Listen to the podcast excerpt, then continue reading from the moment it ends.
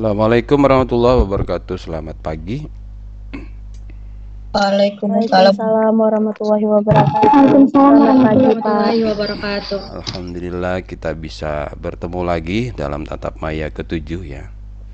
Artinya minggu yang akan datang Anda akan masuk ke sesi ujian tengah semester. Semoga minggu yang akan datang pemahaman Anda tentang apa yang sudah diskusikan semakin sempurna. Hari ini kita akan menyempurnakan pemahaman kita tentang genre sastra yang lain. Jadi diskusi kita sampai hari ini sebetulnya ingin menjelaskan apa yang menjadi pertanyaan di awal pertemuan kita tentang mungkin apa di kelas ini atau di kelas yang satunya ya yang bertanya yang dimaksud dengan perkembangan sastra itu seperti apa. Jadi kalau selama ini Anda hanya tahu uh, genre sastra itu ada puisi, prosa, fiksi dan drama. Tapi ternyata eh, genre-genre uh, itu terbagi-bagi lagi menjadi berbagai macam genre, berbagai macam jenis. Ya. Pertemuan-pertemuan kita membuka pengetahuan kita tentang berbagai macam jenis karya sastra sehingga mendefinisikan sastra dengan satu definisi itu jelas tidak mungkin ya karena objek sastra sendiri itu bermacam-macam. Sastra bukan hanya untuk menyampaikan pemikiran, bukan hanya untuk mengekspresikan perasaan yang mendayu-dayu.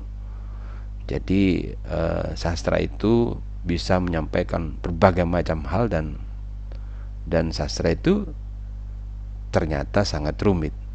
Dan pagi ini kita akan membaca salah satu kerumitan yang lain kita akan berkenalan dengan genre sastra modern dan postmodern dan juga sastra feminis dan sastra marxis. Pada kelompok yang bertugas untuk menyampaikannya, silahkan dimulai. Assalamualaikum warahmatullahi wabarakatuh. Waalaikumsalam. Waalaikumsalam warahmatullahi wabarakatuh. Salam sejahtera untuk kita semua dari kelompok 4 yang beranggotakan saya Alfia Oktana Azizah dan teman saya yang bernama Muhammad Syafi'i Ramadan. Yang akan kami bahas hari ini adalah sastra modernis versus postmodernis. Nah, eh, mohon maaf PPT-nya. Nah, nah, apa sih modernis itu? Uh, modernis itu merupakan suatu periode yang mengafirmasi keeksistensian manusia berdasarkan logika yang bersumber dari daya nalar pemikiran, sikap, dan cara berpikir yang disesuaikan dengan tuturan zaman untuk mencapai kebenaran pengetahuan dalam kehidupan peradaban modern. Nah, sehingga mempengaruhi tingkat intelektualitas paling tinggi. Modernis ini didasarkan pada penggunaan akal dan pikiran yang logis untuk memperoleh pengetahuan. Modernis ini merupakan aliran sastra pada awal abad 20 yang berkisar antara tahun 1910 sampai akhir Perang Dunia Kedua. Nah, aliran ini menolak bentuk teknik penyampaian aliran sastra periode sebelumnya dan mempertanyakan kembali nilai-nilainya. Nah, aliran ini merupakan respon terhadap realisme dan naturalisme. Kedua aliran tersebut uh, dianggap telah menyalahkan telah menyalahgunakan seni yang seni seharusnya memberikan kebebasan dari realitas yang menyesakkan. Nah, pengikut aliran ini eh, mengatakan seni untuk seni bukan untuk menyelesaikan masalah sosial. Jadi, aliran modernis ini muncul akibat uh, adanya kekurangan pada aliran sebelumnya, yaitu aliran realisme. Nah, pada aliran sebelumnya banyak kritik dari para ahli yaitu kenyataan sosial uh, yang dipakai di aliran realisme ini dianggap sebagai penyalahgunaan seni dan kenyataan yang dipakai dalam sastra aliran realisme ini ternyata pandangan antara ahli satu dengan yang lain dalam menafsirkannya itu berbeda. Dari kecaman-kecaman itulah muncul aliran yang disebut dengan uh, aliran modernisme.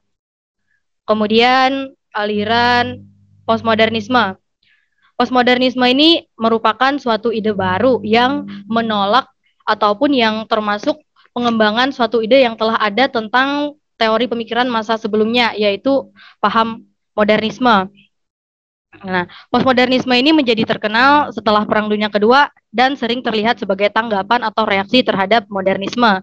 Akibatnya, penulis postmodern ini sering menyoroti kemungkinan adanya banyak makna dalam satu karya sastra atau kurangnya makna sama sekali. Uh, sejatinya postmodernis ini menyatakan tidak ada kebenaran yang universal, yang valid untuk semua orang. Postmodernis ini mempunyai karakteristik fragmentasi, yaitu terpecah-pecah menjadi kecil, tidak menentukan, uh, dan sebuah ketidakpercayaan terhadap semua hal yang universal. Jika modernis ini menganggap karya asli itu sebagai otentik, namun postmodernis ini sangat mementingkan hal yang bersifat hyperrealitas. Artinya eh, karya sastra itu sangat dipengaruhi oleh hal-hal yang disebarluaskan melalui media. Sama halnya ketika karya sastra ini dianggap sebagai kreasi unik dari penciptanya. Seiring berkembangnya teknologi seperti komputer dan media, maka karya sastra itu mulai diterbit, mulai terbit uh, di berbagai media. Zaman dulu media cetak itu menjadi alternatif paling laris dalam menambah pengetahuan dan menjadi media uh, satu-satunya bagi karya sastra. Kemudian sering dengan perkembangan zaman juga masyarakat sudah bergantung dengan internet. Nah, tanpa disadari perkembangan teknologi yang membuat manusia itu berpikir secara irasional, melatih diri untuk berpikir sendiri berdasarkan pengalaman dan daya nalar masing-masing. Misalnya eh, dalam karya sastra itu pembaca selalu bebas menginterpretasikan makna yang terkandung di dalamnya. Masyarakat tidak lagi terdoktrin oleh karya sastra yang memiliki makna unik. Kemudian pembaca juga dapat menafsirkan dan e, memberikan makna sendiri terhadap karya sastra.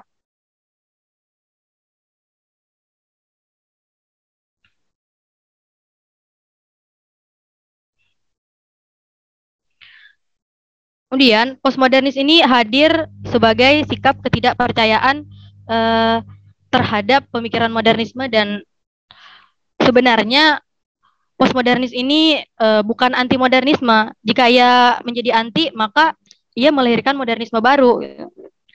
Jadi postmodernis ini eh, bersikap curiga dan mempertanyakan segala hal yang uh, ada di pemikiran modernis. Uh, Postmodernis ini memberikan kerangka pemikiran untuk melihat sesuatu secara lebih emansipatif. Postmodernis ini mampu menghapus logika hierarkis seperti sastra baik dan buruk. Semua sastra itu e, dianggap sebagai sastra baik berdasarkan standarnya masing-masing dan standar satu itu tidak bisa digunakan e, untuk menilai standar yang lain. Nah, untuk materi lebih lanjut e, akan dijelaskan oleh teman saya yaitu Muhammad Syafi'i Ramadan. Pada Muhammad Syafi'i Ramadan, silahkan.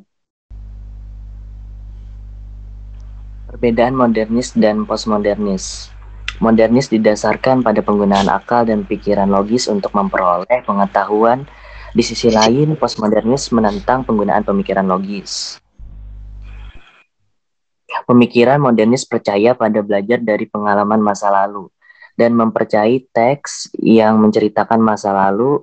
Di sisi lain, pemikiran postmodernis menentang setiap kebenaran dalam teks yang menceritakan masa lalu dan menjadikan itu tidak ada gunanya pada masa kini. Pemikiran modernis berkisar tentang pencarian kebenaran abstrak dalam hidup, sementara pemikiran postmodernisme percaya bahwa tidak ada kebenaran universal atau kebenaran secara umum. Modernis menganggap karya asli sebagai otentik. Sementara pemikiran postmodernis mendasarkan pandangan hyperrealistis. Uh, arti hyperrealitas itu merupakan kondisi di mana keadaan seakan telah melampaui realitas, suatu keadaan di mana fantasi mimpi-mimpi berusaha untuk diwujudkan dan bisa dipengaruhi oleh hal-hal yang disebar, disebarkan melalui media.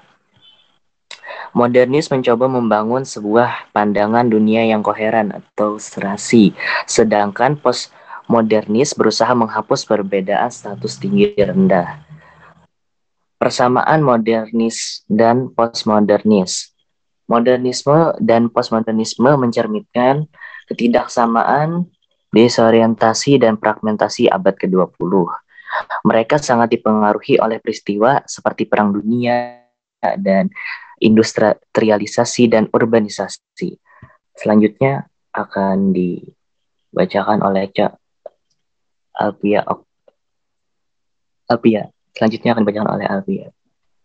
Selanjutnya ada contoh sastra modernis. Ada uh, Ulysses dengan nama pengarangnya James Joyce. Uh, ada Lahan Sampah dengan pengarangnya uh, Eliotat. Kemudian Saat Saya Terbaring Sekarat pengarangnya Faulkner. Kemudian Dalloway dengan pengarang Virginia Woolf. Kemudian contoh sastra postmodernis. Ada 100 tahun kesendirian oleh Gabriel Garcia Marcos, kemudian Catch 22 oleh Joseph Heller, kemudian Graffiti's Rainbow oleh Thomas Pincon, kemudian Infi Infin Infinite Jazz oleh David Foster Wallace. Baik, di sini saya akan membacakan kesimpulan selama era modernis, karya sastra dianggap sebagai kreasi unik dari seniman. Orang-orang serius dalam produksi seni dan karya sastra. Sedangkan selama era postmodernis, seiring dengan berkembangnya komputer dan media, karya sastra mulai disalin dalam bentuk digital. Orang lebih percaya untuk memberikan makna sendiri terhadap sastra dan seni. Terima kasih, baiklah siapa yang ingin bertanya silahkan di chat kolom komentar pertanyaannya. Tuh langsung ada pertanyaan tuh. Dari Rini Oktaviani.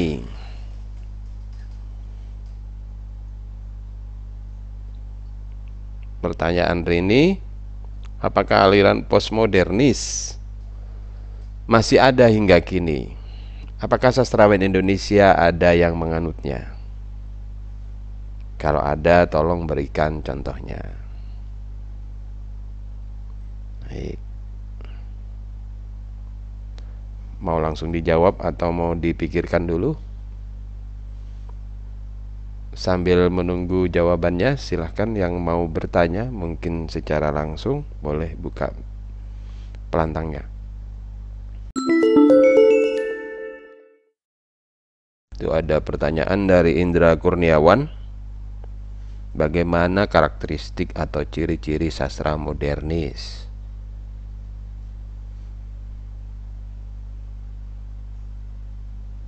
Baik Pak, saya akan menjawab. Silakan. Dari pertanyaan Rini Oktaviani izin bertanya kepada kelompok 4 apakah aliran postmodernis masih ada hingga kini? Apakah sastrawan Indonesia ada yang menganutnya? Jika ada, berikan contoh karyanya. Aliran postmodernis itu masih ada sampai sekarang dengan bukti novel Perempuan Berkalung Sorban yang pengarangnya menganut paham modernisme.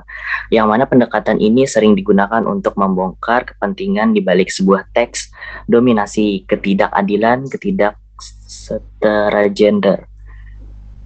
Uh, sastrawannya itu bernama Abidah Bagaimana Rini? Apakah puas dengan pertanyaan eh, jawabannya? Ya, sudah cukup. Terima kasih, Syafi. Betul tuh. Abida postmodernis. Postmodernis apa modernis nih tadi? Pertanyaannya postmodernis loh. Safi. Yang ditanyakan Rini itu postmodernis. bukan modernis. Jawabanmu tadi modernis apa postmodernis? Pertanyaannya Rini itu postmodernis ya, bukan modernis.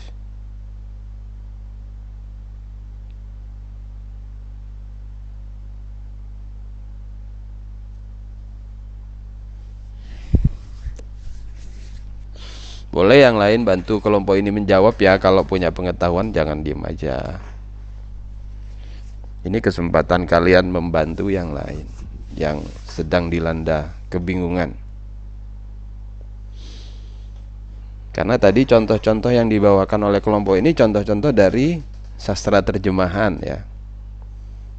Jadi pertanyaan ini meminta contoh dari kasus sastra Indonesia bukan sastra terjemahan. Dari kasus ini Anda dapat pelajaran bahwa sastra modern, sastra modernis itu melawan aliran sastra sebelumnya. Aliran apa itu? Aliran sastra naturalisme dan realisme. Nanti pada kelompok yang berikutnya, kelompok 5, itu balik lagi ke sastra realisme.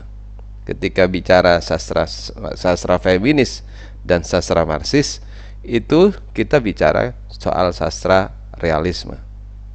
Realisme sosial realisme eh, ya realisme sosial itu kalau marxis nanti nah anda lihat-lihat tuh apa bedanya ini? Nah, nah yang dilawan oleh sastra postmodernis adalah aliran sastra sebelumnya yaitu naturalisme dan uh, realisme. Tapi kemudian datanglah postmodernisme yang melawan modernisme. Ya jadi jadi ini sastra itu bukan dunia yang adem, aman dan tentram ya. Sebetulnya di dalam sastra itu ada perlawanan-perlawanan satu sama lain dan perlawanan itu adalah sebagai respon terhadap kenyataan kehidupan manusia. Oke. Itu yang perlu saya garis bawahi dari presentasi hari ini. Anda harus tahu itu apa yang dilawan Bagaimana ciri-cirinya? Jadi harus tahu. Oh, kalau ciri-ciri naturalisme ini begini. Kalau modernis ini begini. Kalau postmodernis ini begini. Contohnya ini. Jadi Anda harus tahu contoh-contohnya. Mungkin pertanyaan itu tidak bisa terjawab sekarang, tapi pertanyaan itu harus Anda jawab sendiri. Ada banyak sumber yang bisa Anda jangkau di internet. Ya, sekarang itu sumbernya banyak ya dan sumbernya bukan saya, hanya saya. Jadi eh, bukan hanya teman Anda, makanya saya minta Anda kalau punya pengetahuan tentang itu silahkan sampaikan di sini. Sebelum saya gitu. Kalau saya nyampaikan kan Anda nggak ter, tergerak untuk aktif ya. Maksud saya menanyakan itu agar Anda juga tergerak untuk ikut menghadirkan diri secara kognitif, menghadirkan diri secara sosial. Itu maksudnya. Baik, silahkan. Oh, sudah ada jawabannya Alfia atau yang lain? Ada kelompok lain yang mau menjawab?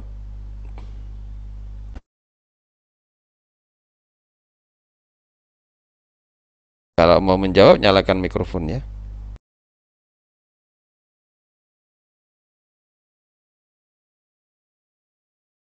Ada pertanyaan lagi dari Risma ya, Risma Lianti. Ketidaksamaan pada abad ke-20 seperti apakah yang dicerminkan dalam sastra modernis dan postmodernis?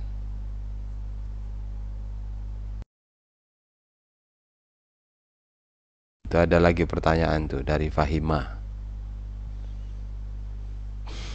Di kesimpulan disebutkan bahwa sastra modernis orang-orang serius dalam memproduksi seni dan karya sastra Sedangkan sastra postmodernis orang lebih percaya dan memberikan makna sendiri terhadap karya sastra dan seni. Pertanyaannya, kata Fahimah, apakah sastra modernis ini tidak mementingkan fungsi imajinatif dalam karya sastranya? Nah, itu. Terus ini Irwan juga bertanya, Ini banyak pertanyaan, pertanyaannya belum dijawab nih. Uh, apa yang ini bertanya soal unsur estetika?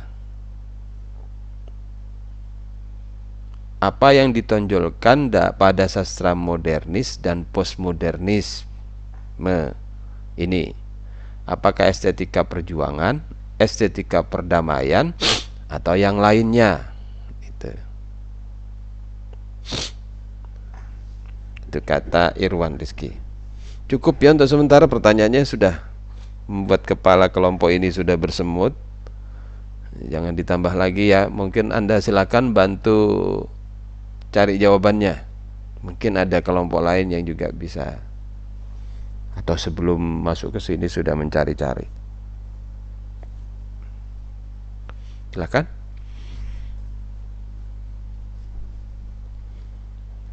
Saya izin bantu menjawab, Pak. Silakan Risma. Uh, salah salah beberapa contoh karya yang bercorak postmodern itu antara lain Ronggeng Dukuh Paruk karya Ahmad Tohari, kemudian Merahnya Merah dan Ziarah karya Iwan Simatupang, lalu ada Durga Umayi karya YB Mangun Wijaya, kemudian ada Kala Tidak dan Sepotong Senja untuk Pacarku karya Seno Gumira Aji Dharma, dan Gotlop karya Danarto. Itu yang God, bisa Gottlob. saya tambah. Mm-mm. Iya Pak. Godlock. Eh, Risma, dari semua yang kamu sebutkan tadi, yang mana yang pernah kamu baca? Em, untuk saat ini belum pernah saya baca Pak. Oke. Jadi nggak bisa dongeng ya. Nanti setelah ini baca ya. Itu contoh-contoh karya Posmo. Kalau mau tahu ciri-cirinya, jawabannya baca itu. Lalu dilihat apa perbedaan cirinya.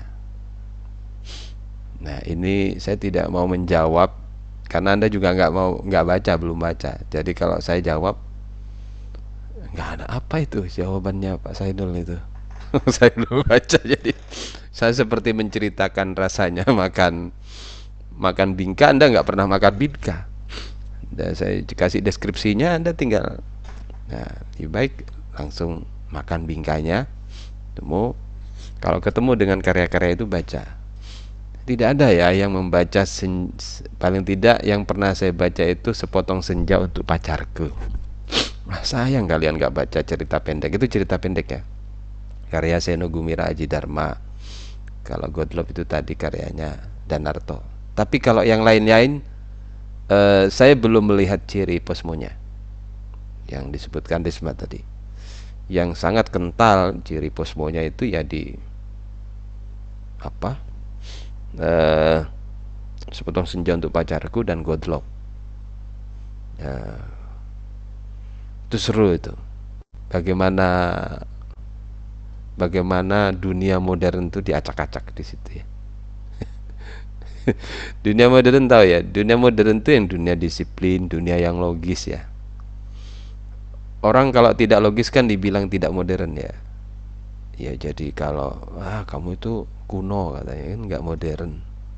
Gitu aja mitos dipercayai. Yang jangan duduk di depan pintu. Nanti nggak laku jodoh. Orang-orang orang modern nggak percaya itu ya. Ya. Orang-orang sebelum modern percaya dan orang pospo itu percaya. Bisa percaya sama itu.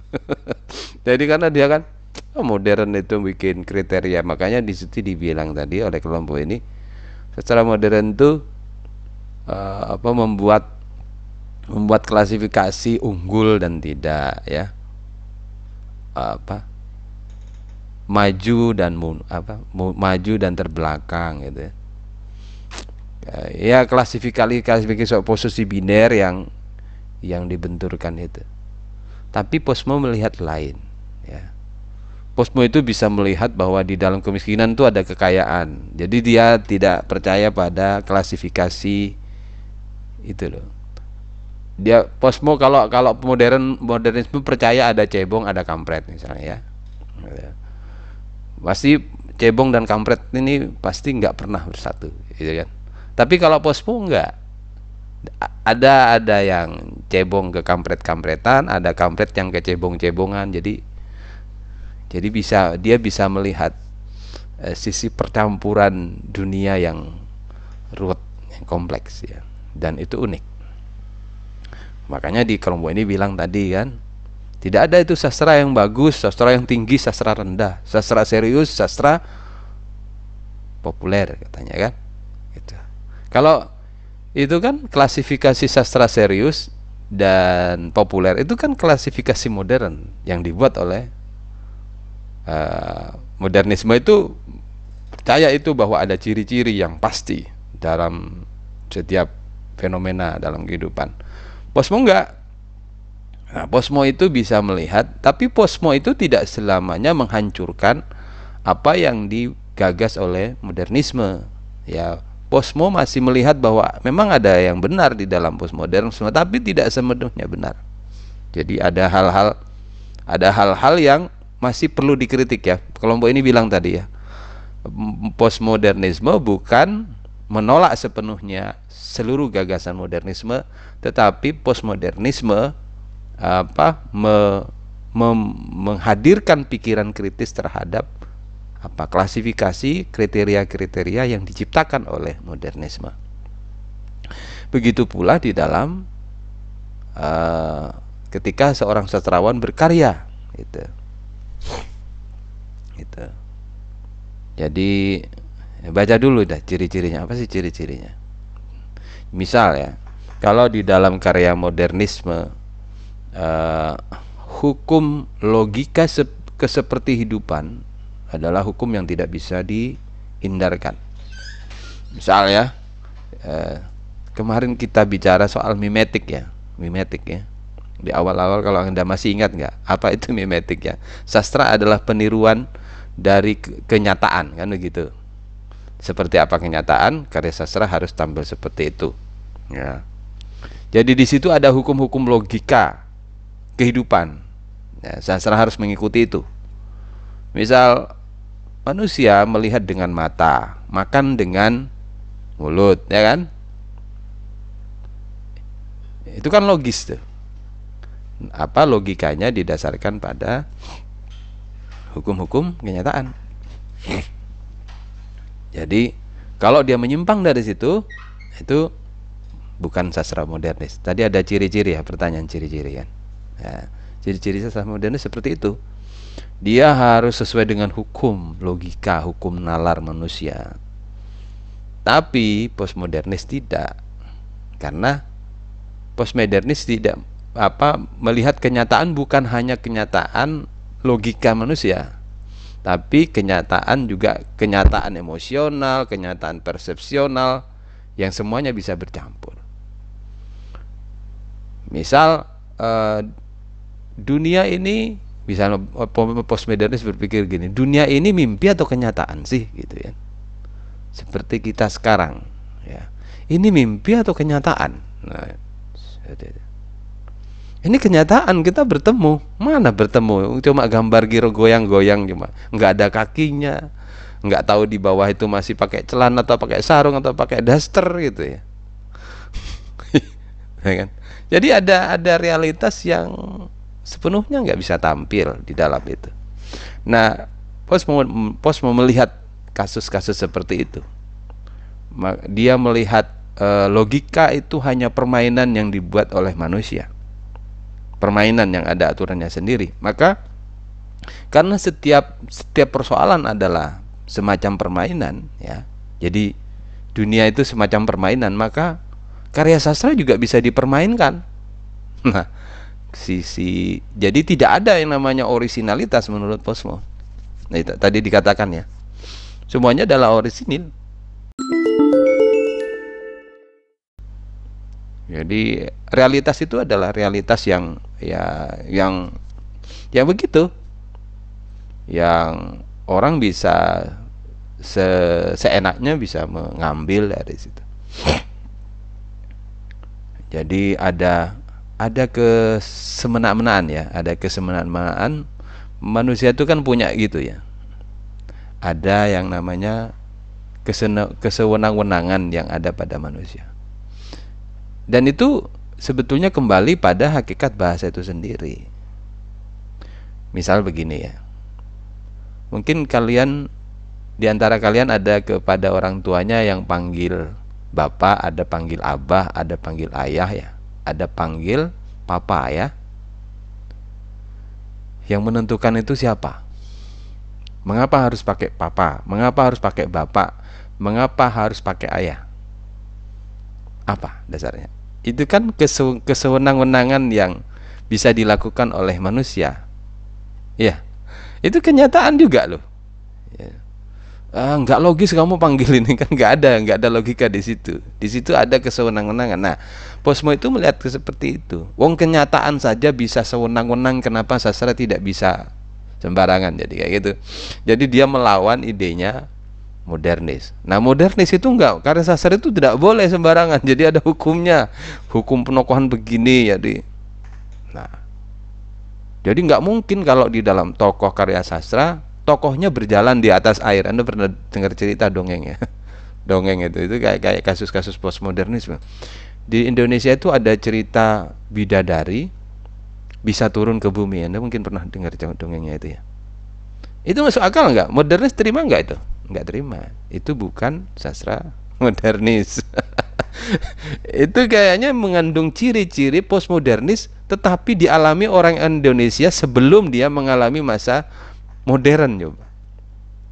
Jadi orang Indonesia sebelum masuk masa modern, dia sudah punya dongeng-dongeng seperti itu ya. Dongeng-dongeng fantasi begitu.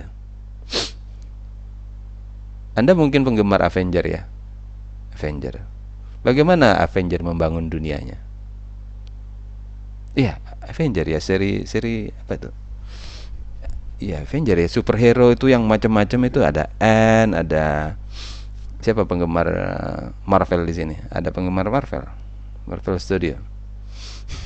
Ada. Saya pakai contoh Marvel deh. Ada yang penggemar Marvel, film-film Marvel? Ada? Saya menggunakan analogi karena karya sastra ini Anda belum banyak baca kayaknya. Ada yang suka nonton film Marvel? Enggak ada. Aduh ini generasi ini generasi jangan-jangan saya mengajar generasi kebudayaan Kore, pop Korea ini ya. Kalau saya nggak nonton ya, jadi nggak tahu apa, nggak tahu itu pop Korea itu ya, jadi nggak tahu dramanya. Nah, dalam film kalau anda apa ya, saya mau contohkan apa kalian uh, nanti dikembangkan ya wawasannya, wawasan bacaannya, wawasan tontonannya. Oh, kalau ini jenis film modern, oh ini film postmodern.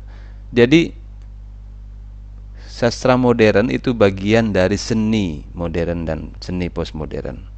Anda bisa melihat di dalam karya sastra lukis ya. Anda suka lukisan nggak? Nah, lukis. Anda bisa bedakan tuh mana lukisan naturalisme atau realisme ya Tahu ya pernah lihat lukisan realisme ya?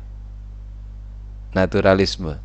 Jadi lukisan itu lukisannya persis gitu. Kalau ngelukis ikan seperti ikan gitu ya. Nah, itu itu naturalisme. Kemudian kalau lukisan modernisme ikan itu dimodifikasi. Jadi ada unsur-unsur ah ini ikan ini mengapa ikan seperti ini? Kok tidak ada ini ikannya kurang modern. Nah, dipoleslah supaya memiliki logika-logika modern apa kira-kira. Nah, diubahlah gambar itu sehingga dia tidak natural lagi. Nah, tidak natural lagi. Tetapi orang bisa melihat itu ikan. Nah, saya contoh tuh lukisan deh. Nah, kalau ketemu sama postmodernisme, modern, modernisme itu lain lagi. Ikannya itu ikan, tetapi kepalanya TV, kemudian perutnya itu kopiah Ustadz Abdul Somad misalnya ya. Tapi itu ikan. Loh ini kok di perutnya ini wajahnya Abdul Somad tapi kok ini ikan gitu loh nah itu posmo ya. Nah di posmo itu merusak itu jadi merusak konsep-konsep seni di dalam modernisme. Nah dengan analogi seperti itu Anda bisa bayangkan seperti apa kira-kira jenis karya sastra posmo sekarang baik dalam bentuk puisi dalam bentuk cerita pendek atau novel. Dengan ilustrasi seperti itu kira-kira anda bisa bayangkan tidak perbedaannya? Oh ini sastra modernisme ini sastra natural realisme ini sastra nanti kita akan bicara sastra realisme dan surrealisme ya. Ada nanti. Nah contoh-contoh yang disebutkan oleh Risma itu silahkan anda baca Jangan didengarkan saja terus Anda tidak punya keinginan untuk membaca. Bacanya di mana? Ada aplikasi Ipusnas. Hanya kalian yang malas membaca yang tidak mau tahu dengan sastra Indonesia ya sudah. Terima resikonya. Lalu nanti Anda mau apa? Kepalamu kosong sampai akhir studimu di sini. Karena kamu sudah memilih, kalian memilih masuk PBSI, isilah pikiran Anda dengan bacaan-bacaan yang memang diperlukan untuk agar Anda itu berisi gitu loh, berilmu ya. Anda masuk program studi ini untuk mengisi diri ya. Mengisi pikiran. Niatkan untuk itu. Jadi bukan nampang doang. Ke mana-mana petantang petenteng aku mahasiswa PBSI tapi kepalanya kosong. Itu namanya apa? Manusia posmo.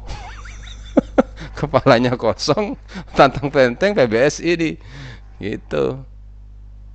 Ya, dadanya PBSI, kepalanya masih kosong itu posmo sekali. Nah anda harus um, lebih modern lah sedikit.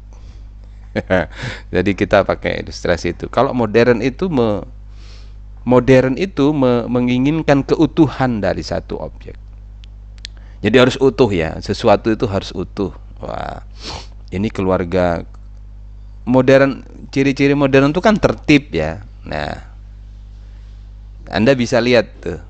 Anda bisa lihat dari pengelolaan kelas ini. Ini saya mengelola secara modern. Ya. Ada Google Classroom. Sebelum masuk ke Google Classroom itu sudah ada ininya ya. Tertib ada linknya yang disiplin seperti itu tidak pernah berubah-ubah ya. Nah, kemudian Anda masuk Zoom, masuk Zoom Anda diperdengarkan musik, keluar dilepas dengan musik. Itu tertib ya ada urutannya. Kalau posmo tidak. Posmo tidak menginginkan itu. Masuk. Nah, Anda menggunakan rapi gitu ya. Pakai jilbab semua, saya pakai baju yang rapi juga. Tapi kalau posmo enggak. Wajah kalian tuh boleh acak-acakan ya. Uh, latar kalian tuh boleh acak-acakan itu posmo. Jadi dulu semuanya. Enggak ada Google Classroom. Uh, tidak ada salam, pokoknya apa maunya ya itu aku mau kelas yang unik kelas posmo gitu mau kayak gitu jadi ya posmo ada enaknya ada kritisnya tapi juga banyak enggak enaknya jadi karena posmo itu menggoyang semua perbedaan-perbedaan baku yang dibuat oleh modernisme ya tetapi banyak orang banyak ahli menilai bahwa posmo itu berbahaya. posmo itu berbahaya ya. Bagi masyarakat yang sudah kacau balau karena kan posmo itu mengajarkan atau dia menginspirasi mengacaukan sesuatu yang mapan ya. Mapan gitu ya. Dikacaukan sama posmo. Tapi kalau masyarakatnya sudah kacau duluan gimana?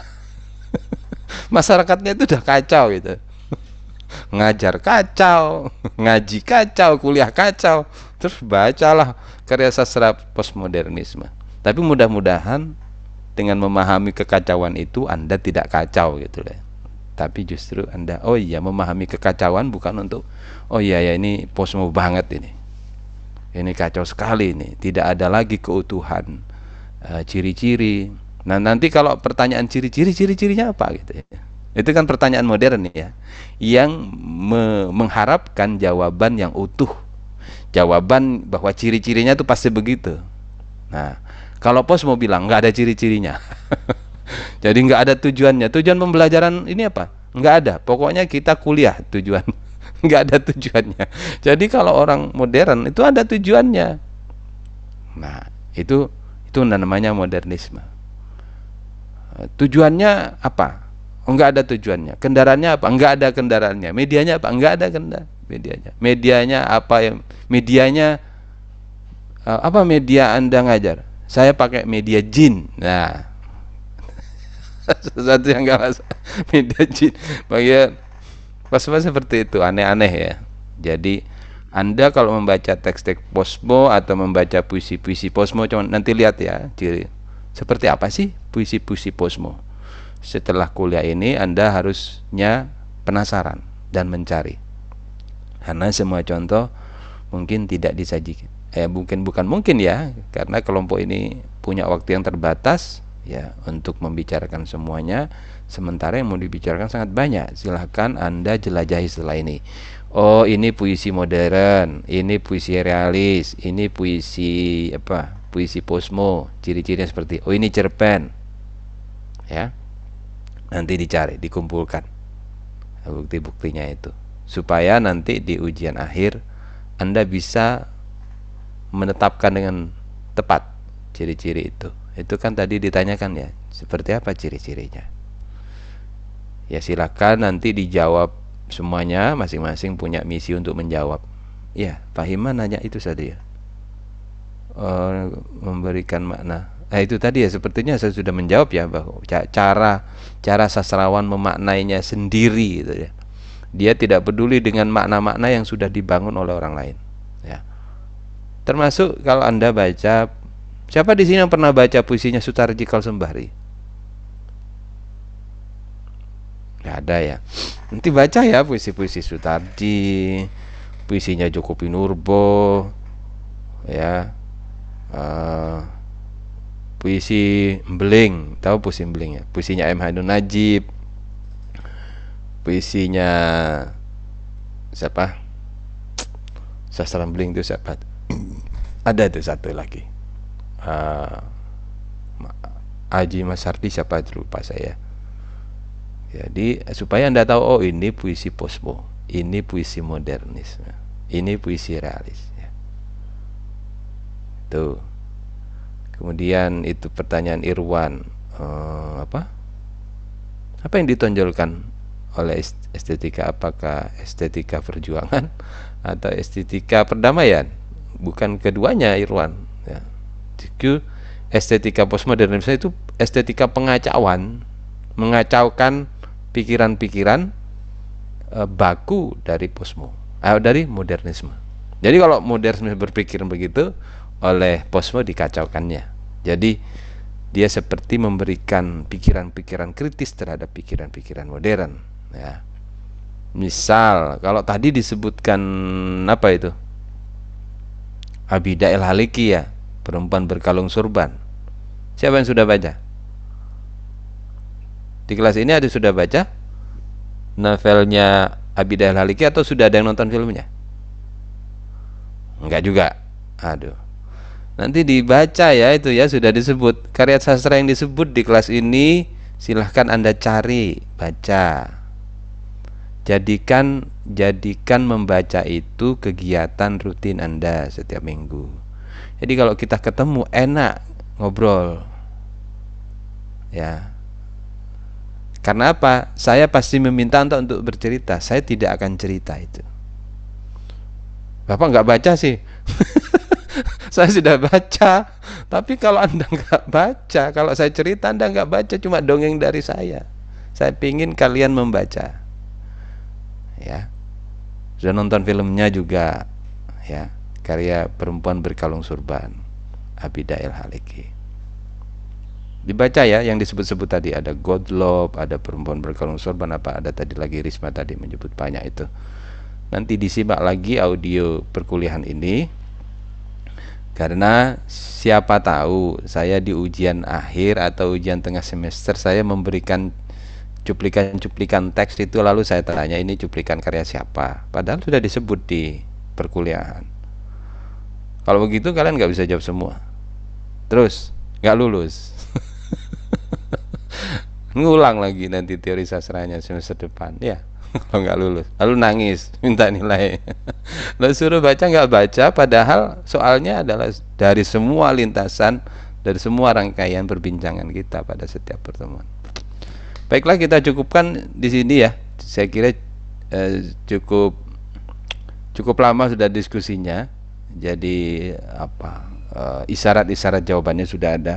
Mungkin tidak bisa dijawab semuanya oleh kelompok ini tapi paling tidak Anda sudah mendapatkan gambaran besar. Jangan khawatir Anda harus membaca semua karya yang disebutkan tadi karena ini akan diulang lagi di kritik sastra. Di semester yang akan datang Anda akan ketemu lagi dengan saya. Kalau ketemu dengan saya mudah-mudahan selalu sehat semua ada mata kuliah namanya kritik sastra dan Anda akan ketemu lagi dengan saya. Dan pertanyaan saya akan sama lagi seperti Anda. Kalau Anda tidak berkembang, ditanya ketemu lagi, saya kan sudah tanya, rekamannya ada kan? Cek rekamannya, kamu belum baca, ya Allah, satu tahun kamu nggak insaf-insaf, nggak hijrah itu, parah ini ya.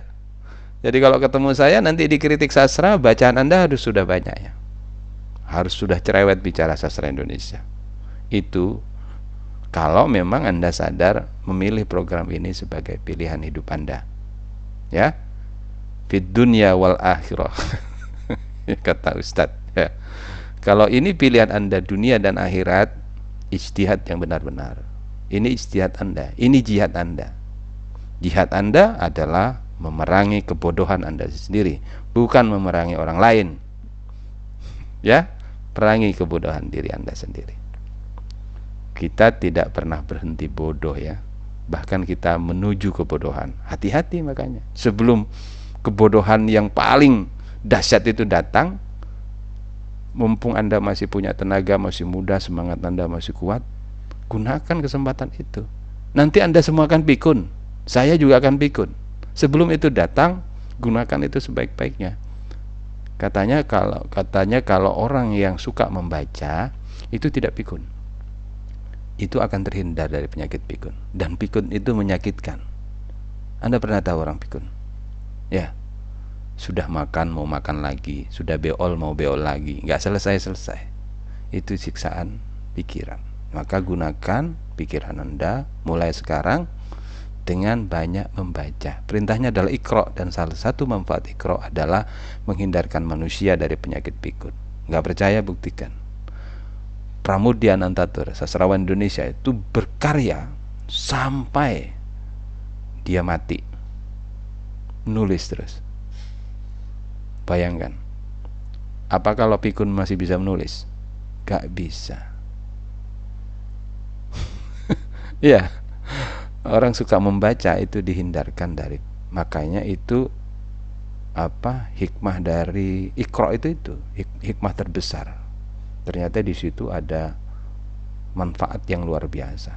Maka cita-citakanlah membaca dan menulis sebagai kegiatan utama Anda sebagai manusia. Baik sebelum jadi ustadz saya persilahkan kelompok dua. Saya tidak mau jadi ustadz. Berat. Ya kelompok dua silakan